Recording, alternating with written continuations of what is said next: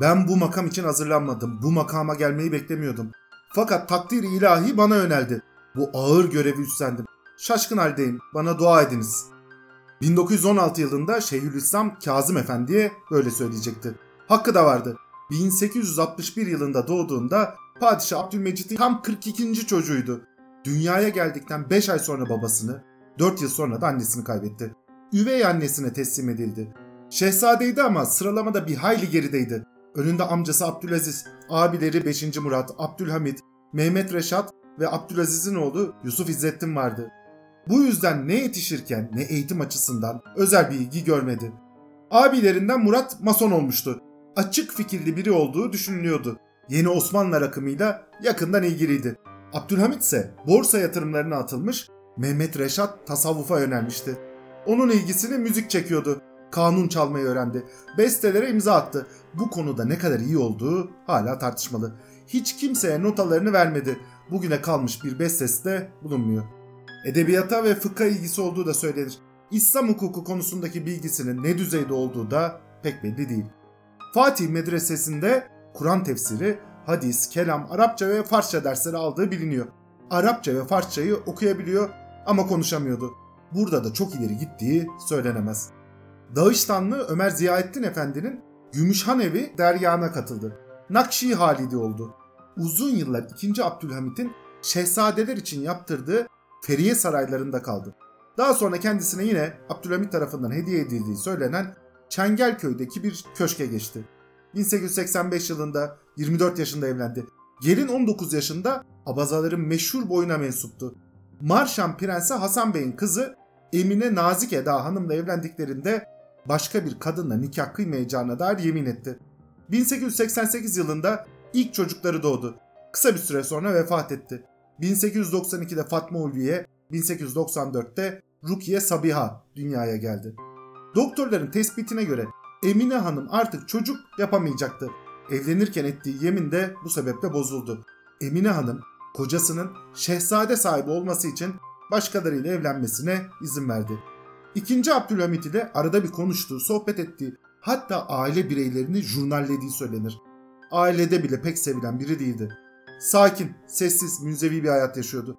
Diğer tarafta Osmanlı ve dünya sürekli değişmekteydi. Alman ve İtalyan birliği kurulmuş, yeni uluslar tüm güçleriyle tarih sahnesine çıkıyordu. Sanayi devrimi bütün hızıyla dünyayı kasıp kavuruyordu. Büyük imparatorluklar 1848 devrimlerinden gereken dersleri çıkartmış, yepyeni politikalar uygulanıyor, milliyetçilik dalgası Avrupa'yı sarıyor, Avusturya, Macaristan ve Rusya imparatorlukları hem kendi iç işleriyle uğraşıyor hem de Osmanlı havzasında genişlemelerini sürdürüyordu. 3. Selim 2. Mahmut ve Abdülmecit'in yaptığı reformlar Osmanlı'yı da değiştirmekteydi. Artık yeni sınıflar, yeni aydınlar, yeni bir bürokrasi ve yeni bir insan tipi vardı. Nizam-ı Cedid, ıslahat ve tanzimat ile başlayan dönüşüm sürecinin hızını Abdülhamit'in istibdat rejimi kesse de tıbbiyede, harbiyede çağdaş bir eğitim almış, dünyadaki akımları takip eden, buraları izleyen ve hürriyet isteyen insanlar toplumun her alanında güçlenmişti. 1908 devriminde ne yaptığı bilinmiyor. 1909 yılında yaşanan 31 Mart vakasında da tarihin sadece sessiz bir izleyicisi oldu. Olanları bitenleri anlıyor muydu? Yaşanan büyük dönüşümü kavruyor muydu? Dedesi 2. Mahmut'un ve babası Abdülmecid'in neler başardığını anlayabiliyor muydu? Bu sorulara evet cevap vermek zor. Filozof lakabıyla bilinen Doktor Rıza Tevfik bir gün kendisine hükümet şekilleriyle ilgili soru sorduğunda bu konuda hiçbir şey bilmediğini görmüştü. Hükümet şekillerini bile bilmeyen bir insanın devrimlerle dolu 19. yüzyıl dünyasından 20. yüzyıl dünyasına geçişi anlaması pek kolay değil. İşte Osmanlı'nın en karanlık yıllarında tahta bu adam geçecek, çevresindeki dünyayı anlamakta zorlanan, çağdaş siyaset bilimine yabancı, ekonomiden hiç anlamayan, koca bir devleti yönetmek için gereken, kültür ve bilgiyi taşıyıp taşımadığı meçhul, birazcık bestekarlı, bir tutam din bilgisi ve abisi Abdülhamit'ten öğrendikleriyle koltuğa oturan bu adam milyonların kaderini ilgilendiren kararlar verecekti. Vahdettin, hain mi, kahraman mı yoksa talihsiz bir dönemde iş başına gelmiş bir çare bir hükümdar mı? 42 dakikanın bu bölümünde hala tartışılan, hepimizin kaderine de etki etmiş bir insanın hikayesine birlikte şahit olacağız. Hepiniz hoş geldiniz. Bölümü beğendiyseniz Spotify ve takip ettiğiniz podcast uygulamasından 42 dakikayı takip etmeyi lütfen unutmayın. Instagram ve Twitter'dan Gürman Timuran diye aratarak beni de takip edebilir. Yorum ve düşüncelerinizi paylaşabilirsiniz. Bundan çok da mutlu oluyorum. Aynı zamanda Patreon'dan da 42 dakikaya destek olabilir, bu yolculuğa katılabilirsiniz. 21. yüzyıl dünyasından şimdi ayrılıyor. Hep birlikte Osmanlı tahtına çıkmak için gün sayan bir adamın yanına gidiyoruz. Hepiniz hoş geldiniz.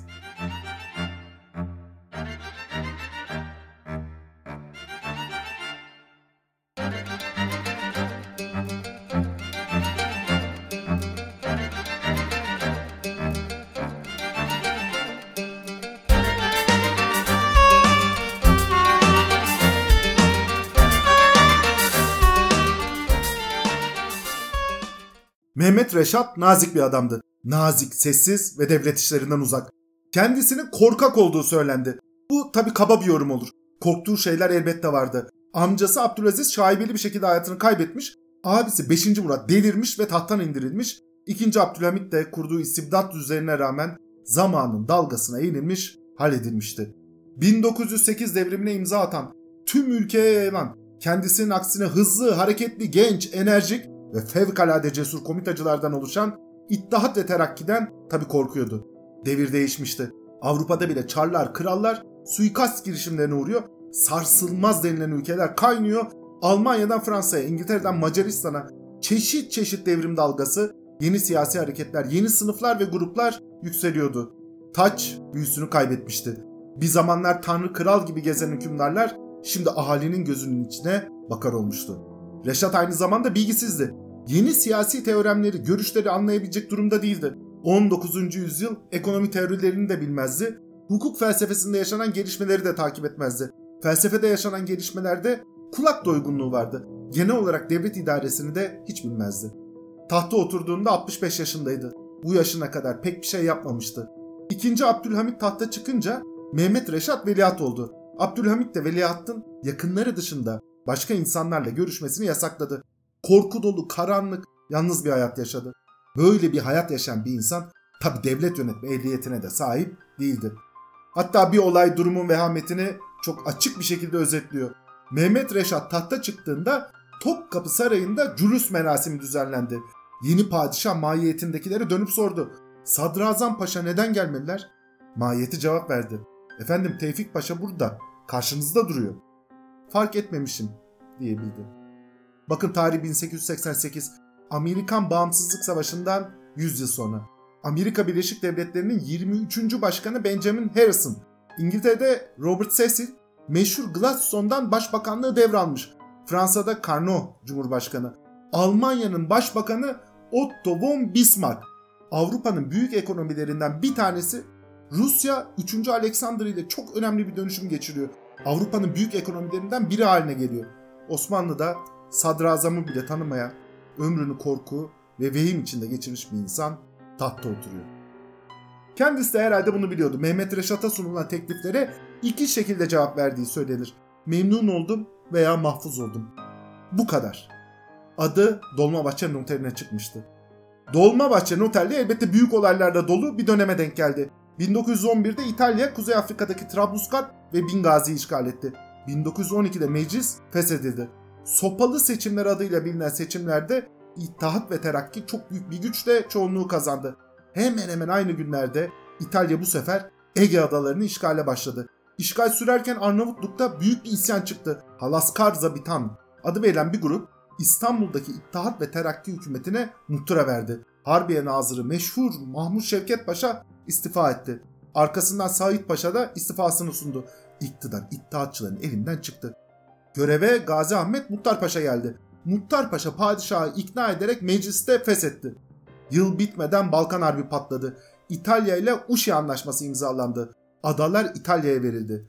Gazi Ahmet Muhtar Paşa da bu anlaşmanın sonucunda istifa etmek zorunda kaldı. Göreve bu sefer Kamil Paşa getirildi. Onun da görev süresi pek uzun sürmedi. İttihatçılar harekete geçtiler. Bağbali baskının sonucunda Kamil Paşa iktidardan alındı. Yerine İttihatçıların desteklediği Mahmut Şevket Paşa getirildi. 4 ay sonra Mahmut Şevket Paşa suikasta uğradı. İttihatçılar önce Said Halim Paşa'yı sadarete getirdiler, tüm kabineyi ellerine aldılar, ondan sonra da tüm güçleriyle muhalefeti tasfiye etmeye başladılar. Buraları geçmiş bölümlerden de biliyorsunuz. İkinci Balkan Harbi'nde Edirne geri alınınca Enver Cemal ve Talat Paşaların ordudaki güç ve desteği arttı. Said Halim Paşa'nın da artık hiçbir gücü kalmadı. 26 Ekim 1914'te Osmanlı donanması bir keşif tatbikatı için hazırlanma emri aldı ve ertesi gün toplanma bölgelerine gitmek için Haydarpaşa'dan ayrıldı. 28 Ekim'de Osmanlı filosu 4 ayrı görev gücüne ayrılarak Rusya kıyılarında farklı hedeflere yöneldi.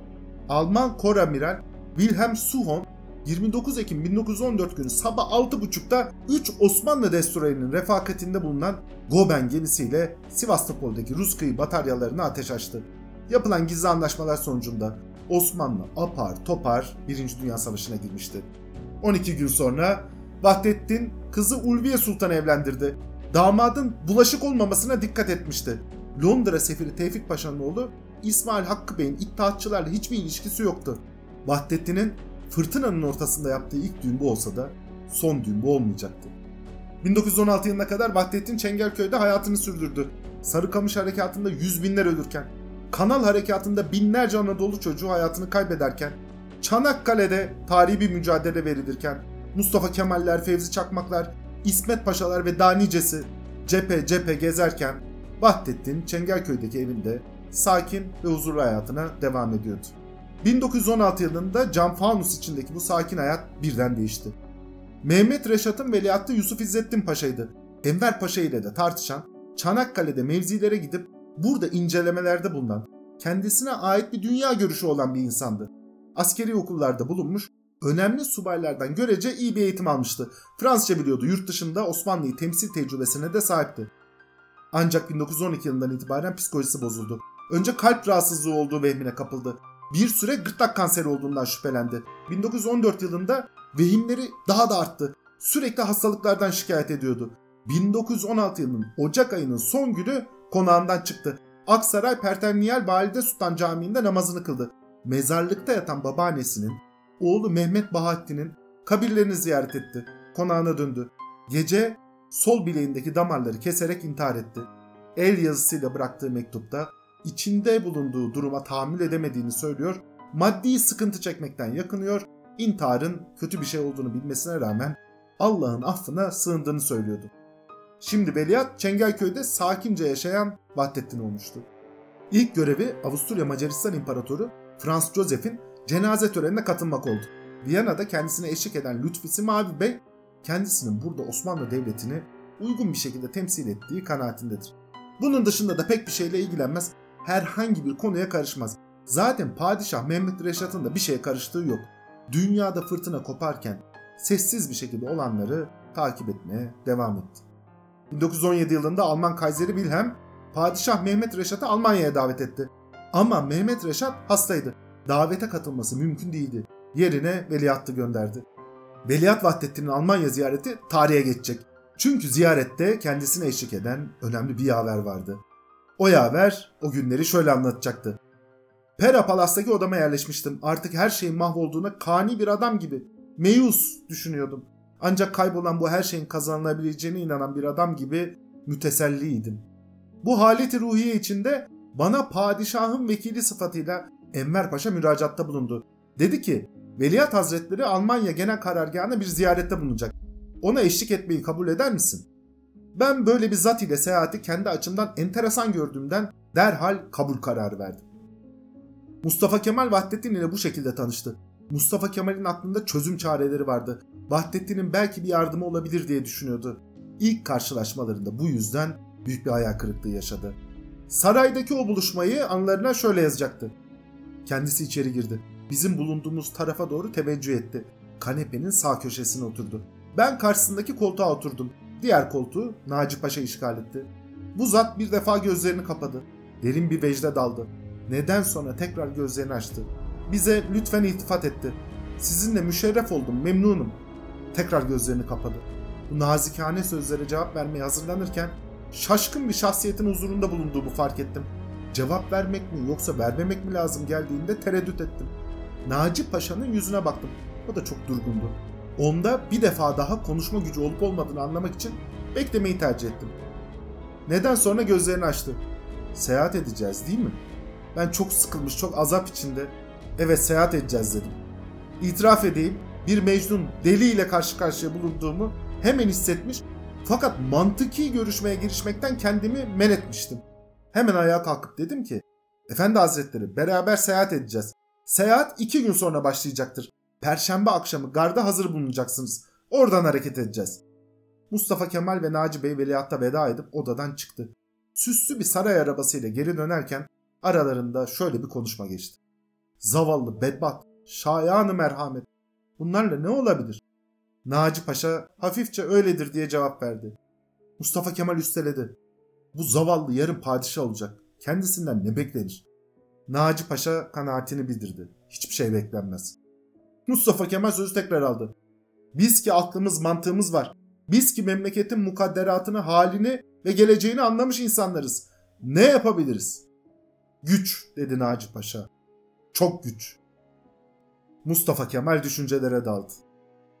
Fakat Vahdettin buluştukları gün kendisini şaşırtmayı başardı. Trenle harekete geçtiklerinde Trakya dolaylarında Vahdettin Mustafa Kemal'i yanına çağırdı. Burada kendisini takip ettiğini, İstanbul'u kurtaran komutan olarak da takdirlerini bildirdi. Aralarında ciddi ve samimi sohbet başladı. Almanya seyahati genel olarak başarılı geçti. Mustafa Kemal burada Vahdettin'i sürekli bilgilendirdi. Önemli konularda düşüncelerini paylaştı. Yapılan sunumlarda Almanya'nın savaşı kazanamayacağı kanaati Mustafa Kemal'de oluşmuştu. Almanya'dan dönüşe yakın Vahdettin'e hatta bir teklifte bulundu. 5. Ordu Komutanlığını Vahdettin'in istemesini önerdi. Kurmay komutanı da bizzat kendisi olacaktı. Vahdettin İstanbul'a dönünce düşünürüz dedi. 21 gün süren seyahat sonunda Het İstanbul'a döndü. Mustafa Kemal burada hastalandı. Önce Viyana'ya sonra Karsbat'a tedavi görmeye gitti. Haberi de burada aldı. Mehmet Reşat vefat etmiş, yerine Vahdettin geçmişti. Vahdettin yıllar sonra bu günleri şöyle anlatacaktı. Rahmet olsun biraderim Sultan Reşat'tan sonra saltanat makamını kabul etmekte hata ettim. Esasen ben saltanat aşığı da değildim. Çengelköy'ün saf havasına ve köy hayatına alışmıştım. Eyüp'teki cenaze merasiminden dönüşümde yanıma gelen Talat Paşa ve arkadaşlarına şöyle söyledim. Şimdi ben iki yönden taziye ve teselliye muhtaç bulunuyorum. Biri elimizde biraderimi ve meşrutiyeti hakikatten koruyan bir padişahı kaybettiğimden, diğeri de dağılan devlet makamının ve belki cihanın en nazik anında işgale mecburiyetimden. Sonra sözlerine sessizce şöyle devam etti. Vatana bir hizmette bulunabilmek ümidiyle kabul ediyorum. Mustafa Kemal de bir ümit İstanbul'a döner. Kafasında Harbiye hazırlığı vardır. 5 Ağustos'ta buluşurlar. Vahdettin'e yeni bir öneri sunar. Başkumandanlığı elinize alın ve yeni bir kurmay başkanı bulun. Bu aynı zamanda başkumandan vekili olan Enver Paşa'yı da görevden alın demektir. Vahdettin bu teklifi geçiştirir. Mustafa Kemal bir kez daha kendisiyle görüşür. Burada da bir netice alınamaz. Mustafa Kemal bir görüşme daha talep eder. Burada Vahdettin önceliğinin İstanbul halkını doyurmak olduğunu söyler. Mustafa Kemal haklı bir soru sorar. Ordu, vatanı savunan kuvvetler başkasının elinde oldukça Vahdettin hedefine nasıl ulaşacak? Vahdettin de en sonunda elini açıklar. Ben der icap eden şeyleri Enver ve Talat paşalarla görüştüm. Birkaç ay önce bu insanlardan nefret eden Vahdettin artık fikrini değiştirmiştir. İdare-i maslahat edecektir. Mustafa Kemal durumu anlar, müsaade ister. Artık başka çareler aramak zorundadır. Şimdi burada şunu söylemek lazım. Mustafa Kemal hem savaşın durumunu hem de gidişatını çok iyi bir şekilde anlıyor. Enver Talat ve Cemal Paşaların bu işi çözemeyeceğini görüyor. Almanya savaşı kazanabilecek bir halde değildi. Osmanlı ordusu büsbütün Alman silahlarına ve parasına bağlıydı.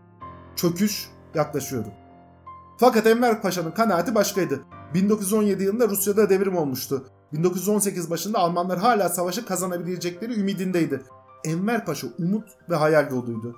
Gerçekleri görmüyor, savaşın gidişatını anlamıyor. Örneğin Amerika'nın savaşa katılmasının itilaf devletleri açısından hem insan kaynağı hem ikmal olanakları bakımından devasa katkısını bile kavrayamıyordu. Almanya batı cephesinde çakılmıştı. Avusturya Macaristan savaşta etkinliğini tamamen kaybetmişti. İtilaf devletleri birçok açıdan operasyon yürütebilecek olanaklara sahipti. Bütün bunlar görmezden geliniyordu. Vahdettin zaten bunları anlayabilecek bir insan değildi. Oturduğu koltukta da Enver Paşa gibi güçlü insanlarla kavga etmek istemiyordu. Sonuç bu yüzden göz göre göre geldi. 1918 yılı Ağustos ayında İtilaf kuvvetleri Batı cephesinde 100 gün süren saldırısını başlattı. Eylül ayında Hindenburg çizgisi geçildi. 15 Eylül 1918'de 770 bin kişilik itiraf devletleri ordusu Makedonya'da Bulgarlara karşı taarruz başlattı. 29 Eylül'de Üsküp işgal edildi. Aynı gün Bulgaristan Selanik mütarekesine imza attı, savaştan çekildi. Osmanlı'nın Almanya ile bağlantısı kopmuştu. Suriye'de Yıldırım Ordular grubu da önemli yenilgiler alıyordu. 3 Ekim'de Arap isyanı başladı. Yıldırım Ordular grubu da Halep'e doğru çekilmeye başladı. 8 Ekim'de Talat Paşa kabinesi istifa etti. Birkaç gün sonra Ahmet İzzet Paşa kabinesi kuruldu ve daha önce başlayan mütareke görüşmeleri sürdürüldü. 30 Ekim'de ülkenin işgaline izin veren çok ağır koşulları olan Mondros mütarekesi imzalandı. Vahdettin'in bu konuda yapabileceği bir şey var mıydı? Herhalde yoktu. İktidara geldikten sadece 119 gün sonra karşısında böyle bir tablo bulmuştu. Zamanında Mustafa Kemal'i dinleseydi, Enver ve Talat Paşalar görevden alınsaydı daha uygun şartlarda bir barış anlaşması yapılabilir miydi? Şimdi bunları söylemekte spekülasyon olur. Mustafa Kemal'in çok daha zorlu şartlarda neler yapabildiğini düşününce şimdi böyle bir tarihsel değişimin nelere yol açabileceğini düşünmekte heyecan verici bir akıl oyunu. Ama spekülasyon üzerinden konuşmak da doğru değil. Mondros mütarekesiyle birlikte Vahdettin'in sonsuz, sınırsız İngiliz dostluğu politikası da devreye girdi. Öyle ki Vahdettin'in İngilizlerden beklediği iyilik ve lütfun sonu yoktu. Milyonlarca çocuğunu kaybeden, çok ağır bedeller ödeyen İngiltere Osmanlı'ya adeta sevgi ve şefkatle bir bebek gibi yaklaşacaktı. Nitekim Mondros mütarekesi metni kendisine gösterildiğinde şöyle dedi. Bu şartlar ağır olmasına rağmen kabul edelim. İngilizlerin doğuda asırlarca devam eden dostluğu ve lütufkar siyaseti değişmeyecektir. Biz onların müsamahasını sonra elde ederiz. Lütuf hemen geldi. 13 Kasım'da İstanbul işgal edildi. İşgal kuvvetleri İstanbul sokaklarında gezerken Padişah Vahdettin 24 Kasım'da İngiliz Daily Mail gazetesine bir demeç verdi. Orada da İngiliz halkına duyduğu sevgiyi şu cümlelerle anlatıyordu. Kırım Muharebesi'nde İngiltere'nin müttefiki bulunan Pederim Sultan Abdülmecit'ten İngiliz milletine karşı sevgi ve saygı beslemek duygularını miras aldım. Şimdi saltanat makamında bulunduğum cihetle, memleketim ile İngiltere devleti arasında eskiden beri yerleşmiş bulunan dostça ilişkilerin yenilenmesi için çalışacağım. Ülkesi işgal edilen, ordusu dağıtılan, yüz binlerce çocuğunu savaşta kaybeden bir hükümdarın, ülkesini işgal eden bir devlete karşı gösterdiği bu sevgi tarihte benzersizdir. Vahdettin memleketi işgal edenlerden çok daha fazla iddiatçılara kızıyor, onlara nefret saçıyor. Ülkenin tek çıkışının da İngiltere ile işbirliği yapmak, İngiliz hükümetinin suyuna gitmek olduğunu düşünüyordu. Mustafa Kemal ile son görüşmeleri 1919 yılının Mayıs ayında oldu. O görüşmeyi Mustafa Kemal tüm detaylarıyla şöyle anlatır. Yıldız Sarayı'nın ufak bir salonunda Vahdettin'le adeta diz dize denecek kadar yakın oturduk. Sağında dirseğini dayamış olduğu bir masa ve üstünde kitap var. Salonun boğaz içine doğru açılan penceresinden gördüğümüz manzara şu. Birbirine paralel hatlar üzerinde düşman zırhlıları. Bordalarındaki toplar sanki Yıldız Sarayı'na doğrulmuş. Manzarayı görmek için oturduğumuz yerlerden başlarımızı sağa sola çevirmek kafiydi. Vahdettin hiç unutmayacağım şu sözlerle konuşmaya başladı. Paşa, paşa, şimdiye kadar devlete çok hizmet ettin. Bunların hepsi artık bu kitaba girmiştir. Elini demin bahsettiğim kitabın üstüne bastı ve ilave etti. Tarihe geçmiştir. Dikkatle ve sükunla dinliyordu. Bunları unutun dedi. Asıl şimdi yapacağın hizmet hepsinden mühim olabilir. Paşa paşa devleti kurtarabilirsin. Bu son sözlerden hayrete düştüm. Acaba Vahdettin benimle samimi mi konuşuyordu? O Vahdettin ki yabancı hükümetlerin yüzüncü derece aletleriyle temas arayarak devletini ve saltanatını kurtarmaya çalışıyordu. Bütün yaptıklarından pişman mı olmuştu? Aldatıldığını mı anlamıştı? Fakat böyle bir tahminle başka bahislere girişmeyi tehlikeli addettim. Kendisine basit cevaplar verdim. Hakkımdaki teveccüh ve itimada arzı teşekkür ederim. Elimden gelen hizmette kusur etmeyeceğime emniyet buyurunuz. Söylerken kafamdaki muammayı da halletmeye uğraşıyorum. Memleketi kurtarmak lazımdır. İstersen bunu yapabilirmişim. Nasıl? Hemen hüküm verdim. Vahdettin demek istiyordu ki hiçbir kuvvetimiz yoktur. Tek mesnedimiz, tek dayanağımız İstanbul'a hakim olanların siyasetine uymaktır. Benim memuriyetim. Onların şikayet ettikleri meseleleri halletmektir. Eğer onları memnun edebilirsem memleketi ve halkı bu siyasetin doğru olduğuna inandırabilirsem ve bu siyasete karşı gelen Türkleri uslandırır, akıllandırırsam Vahdettin'in arzularını yerine getirmiş olacaktım. Merak buyurmayın efendim dedim. Noktayı nazarı şahanenizi anladım. İrade-i seniyeniz olursa hemen hareket edeceğim ve bana emir buyurduklarınızı bir an unutmayacağım. Muvaffak ol dedi. Gerçekten Vahdettin ne demek istemişti? Bu konuşma yıllarca farklı farklı şekilde anladı. Ancak tarihi bir gözle bakınca Mustafa Kemal'in Vahdettin hakkındaki tespitinin çok doğru olduğu görülür. Vahdettin İstanbul'daki işgal kuvvetleriyle iyi geçinmek, İngiltere'nin iltifatına nail olmak istiyordu. Bildiği zaten tek yol buydu. Paşa'yı Anadolu'ya milli mücadeleyi başlatmak için değil, Anadolu'yu susturmak ve itilaf devletleriyle iyi ilişkiler kurmak için gönderiyordu. 21 Mayıs'ta İzmir işgal edildi. Padişah saraya gelen vatandaş heyetine şu tavsiyede bulundu. Bağıralım fakat elimizi kaldırmayalım. Mustafa Kemal de 19 Mayıs'ta Samsun'a çıkışından sonra faaliyetlerine başladı. 13 Haziran'da Amasya tamımı ilan edildi. Milletin istikbalini yine milletin azim ve kararı kurtaracaktı. Bu beyanlar sarayı rahatsız ediyordu. 9 gün sonra İçişleri Bakanı Ali Kemal Bey Mustafa Kemal'in azli için gereken yetkiyi çıkarttı. Bir başka tebliğde de Mustafa Kemal'in yakalanıp İstanbul'a teslim edilmesi emrediliyordu. Mustafa Kemal çok güç şartlarda faaliyetini sürdürdü. Kazım Karabekir gibi isimler kendisine katıldı. Erzurum ve Sivas kongreleri yapıldı. 1920 yılına gelindiğinde milli mücadelenin merkezi Ankara'ya taşınmıştı ama ahaliden yeterli destek gelmiyordu. Kuvayi Milliye güçleri çeteler şeklinde örgütlenmişti. Bu şartlarda Mustafa Kemal meclis çatısı altında meşruiyet kazanarak mücadelenin sürdürülmesi gerektiğini söylüyordu. Önemli bazı insanlarda da Anadolu'dan mücadele edilmesi gerektiği fikri güç kazanmıştı.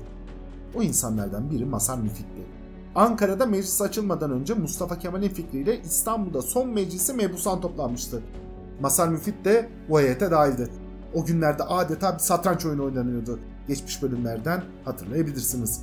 Mustafa Kemal işgal kuvvetlerinin bu meclisi kapatacağını düşünüyor. Ona karşı çıkanlarsa milli mücadelenin İstanbul'daki saltanat ile eş güdümlü yürütülmesi gerektiğine inanıyordu. 12 Ocak 1920'de Masar Müfit ile Vahdettin görüştüler. Burada Masar Müfit Vahdettin'e Anadolu'ya geçmeyi teklif etti. Hatta Bursa'ya kadar bile gelse yeterdi. Ahali padişah başında görünce ayağa kalkacak, direniş güçlenecekti.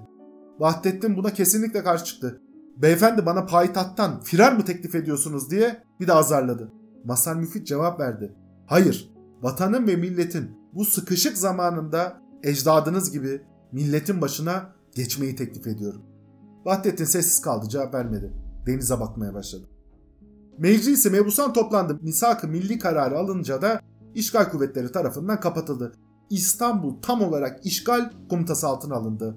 Bugünlerde Vahdettin'in İngiliz istihbarat raporlarına göre en büyük korkusu kendisine karşı bir darbe yapılıp veliahtın iktidara getirilmesiydi. Saraydaki muhafızları arttırdı. 5 Nisan 1920'de Vahdettin'in kız kardeşiyle evli olan damat Ferit Paşa hükümeti kuruldu. 3 gün sonra Ahmet Anzavur'a paşalık rütbesi verildi ve Kuvayi Milliye güçlerini bastırmak üzere gönderildi. 11 Nisan'da Vahdettin'in Şeyhülislam'ı Dürrizade Kuvayi Milliyecilerin katli vaciptir diye fetva yayınladı. Aynı gün damat Ferit milli mücadeleyi, fitne ve fesat hareketi, milli güçleri de isyancı olarak tanımlayan bir hükümet bildirgesi yayınladı. 18 Nisan'da Kuvayi İnzibatiye kuruldu. Hilafet ordusu olarak da biliniyor. 16 Nisan ve 22 Mayıs tarihlerinde Anzavur kuvvetleri yenildi. 14 Haziran'da Hilafet ordusu Kuvayi Milliye güçleri karşısında tamamen yenilgiye uğradı. Kalanlar silahlarını İngilizlere teslim edip İstanbul'a geri döndüler. 23 Nisan'da Ankara'da meclis açıldı. Ancak ülkede isyanlar sürüyordu. Aynı günlerde Mustafa Kemal hakkında idam fermanı yayınlandı. Onun gözünde Mustafa Kemal asiden başka bir şey değildi. Paşayı Anadolu'ya ben gönderdim ama bütün talimatımın dışına çıktı. Kendi kararları kendisi verir oldu ve otoritemi sarstı diyordu. İstanbul'daki İngiliz Yüksek Komiseri ile yaptığı görüşmede Mustafa Kemal'i iyi tanıdığını belirtip bir devrimcidir. Londra'da 20 veya 30 sene otursanız sonra 24 saatliğine dağın tepesine götürseniz derhal eski haline alır diyecekti. Haziran ayına kadar hakkında idam fermanı yayınlananlar arasında Fevzi Paşa, İsmet İnönü, Fahrettin Altay, Hamdullah Suppi, Adnan Adı var, Halide Edip ve Rıfat Börekçi bile vardı. o tarihlerde Yunan ordusunun da Batı cephesine ilerlediğini hatırımıza getirmek zorundayız. Yani manzara çok açık. Milli mücadele hareketiyle İstanbul hükümetinin politikası başkaydı. İstanbul hükümeti meşru güç olarak kendisini görüyor. Ankara'daki hükümeti de bir isyan girişimi olarak değerlendiriyordu. Bu hareketi bastırmak için elinden geleni yaptı. Şimdi bunun adı iç savaştır. 23 Nisan'da Ankara'da artık ayrı, münferit, bağımsız bir hükümet kurulmuştu. Bu hükümet de bu şekilde çalışmalarına devam etti. Sevr'in imzalanmasından sonra damat Ferit Paşa hükümeti düştü. Ankara hükümeti de genel olarak milletin desteğini kazanmaya başladı. Daha önceki bölümlerde de bu alanda yaşanan gelişmeleri bütün tafsilatıyla dinlemek mümkün. Düzenli ordu kuruldu, yabancı ülkelerle ilişkiler geliştirildi, eldeki olanaklarla ciddi bir mücadele ortaya kondu. Ama İstanbul gündeminde bu hareketin hatta Yunan ordusu tarafından bastırılması dahi vardı. Vahdettin'e göre tek çıkış yolu İngilizlerle işbirliğiydi. Ankara'daki isyancılar da kendisinin tahtını tehdit eden ve İngilizlerle işbirliği yaparak memleketi kurtarmasını engelleyen asilerden ibaretti. Şimdi bakış açısı o kadar farklı ki Mustafa Kemal bir varlık ve yokluk mücadelesi olan Sakarya Savaşı için cephedeyken 61 yaşındaki Vahdettin düğün hazırlığındaydı. 18 yaşındaki geliniyle Yıldız Sarayı'nda düğün yaptı. İngiliz istihbarat raporlarında bu garip durum yer almaktaydı. Mesela 1920 yılı Türkiye raporunda şu yazıyordu. Tahta çıkmasından sonra Sultan Halife olarak şahsi etkisi ve otoritesi iç meselelerde bir faktör haline aldı. Ne şekilde kullanmasını bildiği fikirlere sahipti ama zayıflığı, ürkekliği ve ihtiyatı tahtı güçlü bir unsur haline getirmesine engel oldu. Türkiye'yi İngiltere'nin lütufkarlığını kurtaracağına inanır. Özel hayatı skandallardan uzak ama üzüntülerinin tesellisini kadınlarla arkadaşlıkta bulur. 26 Ağustos'ta başlayan büyük taarruz arkasından 30 Ağustos zaferi yalnız Sevr'in sonu olmadı. Ülkedeki otorite de artık bütünüyle Ankara'ya ve Mustafa Kemal'e geçmişti. Mudanya mütarekesinden sonra İngilizlerin de padişahı koruma imkanı kalmamıştı. Vahdettin artık korku içindeydi. Padişahın tahttan indirileceği, yargılanıp hesap sorulacağı her yerde söyleniyordu. Rıza Tevfik Mustafa Kemal'in padişahı tahttan indirip idam edeceğini de ifade etmekteydi. Fransız ihtilali gibi bir Türk ihtilali beklentisi vardı. Vahdettin'in doktoru Reşat Paşa insanlarla görüşüyor, bu söylentilerin asla astarı olmadığını öğrenmek istiyordu. Padişah heyecan içindeydi. Damat Ferit 22 Eylül'de İngiliz istimbotuna binip kaçtı. Vahdettin haberi bir notla öğrendi. Sadece şöyle diyecekti. Çapkın. Hem devleti bu hale koydu hem de gitti. Başka da bir şey söylemedi. 16 Ekim'de Refet Paşa İstanbul'a girdi. Vahdettin hala saltanat ve ilafetin sahibi olarak yetkili, meşru, otorite olduğu görüşündeydi. Ama iş işten geçmişti. Refet Paşa'nın temsil ettiği Ankara hükümeti meşruiyeti ve egemenliği artık eline almış durumdaydı. Vahdettin'e de verme niyeti yoktu. 1 Kasım'da saltanat ilga edildi. Aynı gün Tevfik Paşa hükümeti istifa ederek idareyi Refet Paşa'ya bıraktı. Sadaret mührünü de padişaha vermedi. Sembolik olarak padişahın artık sadarete birine atama etkisi kalmadığı kendisine bu şekilde bildirildi. 16 Kasım'da Vahdettin hayati tehlikesi olduğunu söyleyerek İngiliz hükümetine sığınmak istediğini bildirdi. İngilizlerin çok beklediği lütufkarlığına da en sonunda bu şekilde kavuştu. İstanbul'daki işgal orduları başkomutanlığına yazdığı dilekçe kabul edildi. 17 Kasım'da HMS Malaya ile Türkiye'den kaçtı. Malta'ya götürüldü. Burada İngiliz kralına şükranlarını sundu. Kendisi ve mahiyetindekiler için her türlü konfora ait 8 odalı bir daire hazırlandı. Ama İngilizlerin lütufkarlığı kendisinin beklediğinden çok çok azdı. Değil, Sevri yok saymak, vatanı tekrar kendisinin yönetimine vermek filan. Malta'daki masrafları bile İngiliz'e çok geldi. Onu önce Osmanlı'ya isyan eden Şerif Hüseyin'in yanına Mekke'ye gönderdiler. Sonra kendisi Kıbrıs veya Hayfa'ya gitmek istediğini belirtince de Taif'te oturması için talimat gönderdiler. Bir süre burada kaldı. Ondan sonra burada da rahat edemedi. Başka yerlere gitmek istedi. Bir dizi aşağılayıcı olaydan sonra da Sanremo'ya yerleşti. Burada hatta ailenin vekaletini alıp mallarının tahsil davası açmaya bile çalıştı. Milletin sayesinde kazandığı paraların da peşine düşmüştü. Zor durumdaydı. Vahdettin İstanbul'dan 20 bin İngiliz lirasıyla çıkmıştı. Onun da bir kısmını dolandırıcılara kaptırmış, bir kısmını da eski kayınbiraderi ve yaveri Zeki Bey kumarhanelerde yemişti. Şiddetli para sıkıntısı çektiğinden elinde para edecek nesi varsa satmıştı. en son padişahlık nişanını da satışa çıkardı.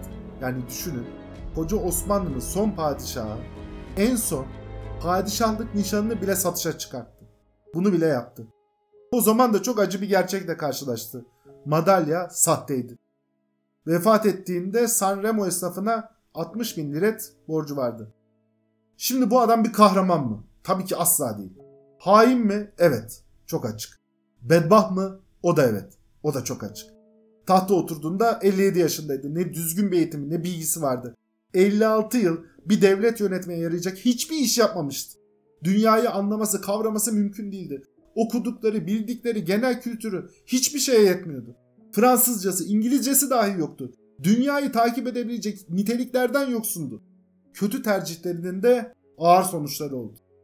Bugün bütün yaptıklarına rağmen kendisinin adının caddelere verildiğini duysa ne derdi? Tahmin etmek güç. Belki de Anzavur ve hilafet ordusu için yaptığı çalışmaların olumlu bir sonucu olduğunu en sonunda görürdü. Ama kendisini kahraman bilenlerin Mustafa Kemal'i İngiliz ajanı dahi olmakla bile suçladığını duysa herhalde buna itiraz ederdi. İngiliz sevdasını da Mustafa Kemal'e bırakacak değildi. Hümeyra Sultan Sanremo'daki evlerinde Yaşa Mustafa Kemal Paşa yaşa marşını mırıldadığında bir kalfa kendisine müdahale etti. Yaşa değil kahrol Mustafa Kemal kahrol diyeceksin dedi. Hümeyra Sultan da şarkıyı böyle söyleyince dedesi Vahdettin niye böyle söylediğini sordu. Kalfanın böyle yap dediğini duyunca da cahil kadın diye kızdı. Mustafa Kemal bir Türk paşasıdır. Hiçbir Türk askerine hakaret edilmesine izin vermem. Kendisinin gösterdiği bu ciddiyet bile bugün kendisini ananlarda yok. Cahil, cüella, kendi tarihini, yaşanan şeyleri bilmeyen adamlar bir efsane üretmişler. Peşinde koşturuyorlar. Efendim, bu bölümü beğendiyseniz paylaşmayı, Instagram'dan Gürman Timran diye aratarak bir mesaj atmayı da lütfen unutmayın. Patreon'dan komutan adam rütbesiyle bana destek olan değerli küçük ben Orhun Emre Çelik ve Eren Algan ile tüm patronlara da teşekkür ediyorum. Bir sonraki bölümde görüşmek üzere. Şimdilik hoşçakalın.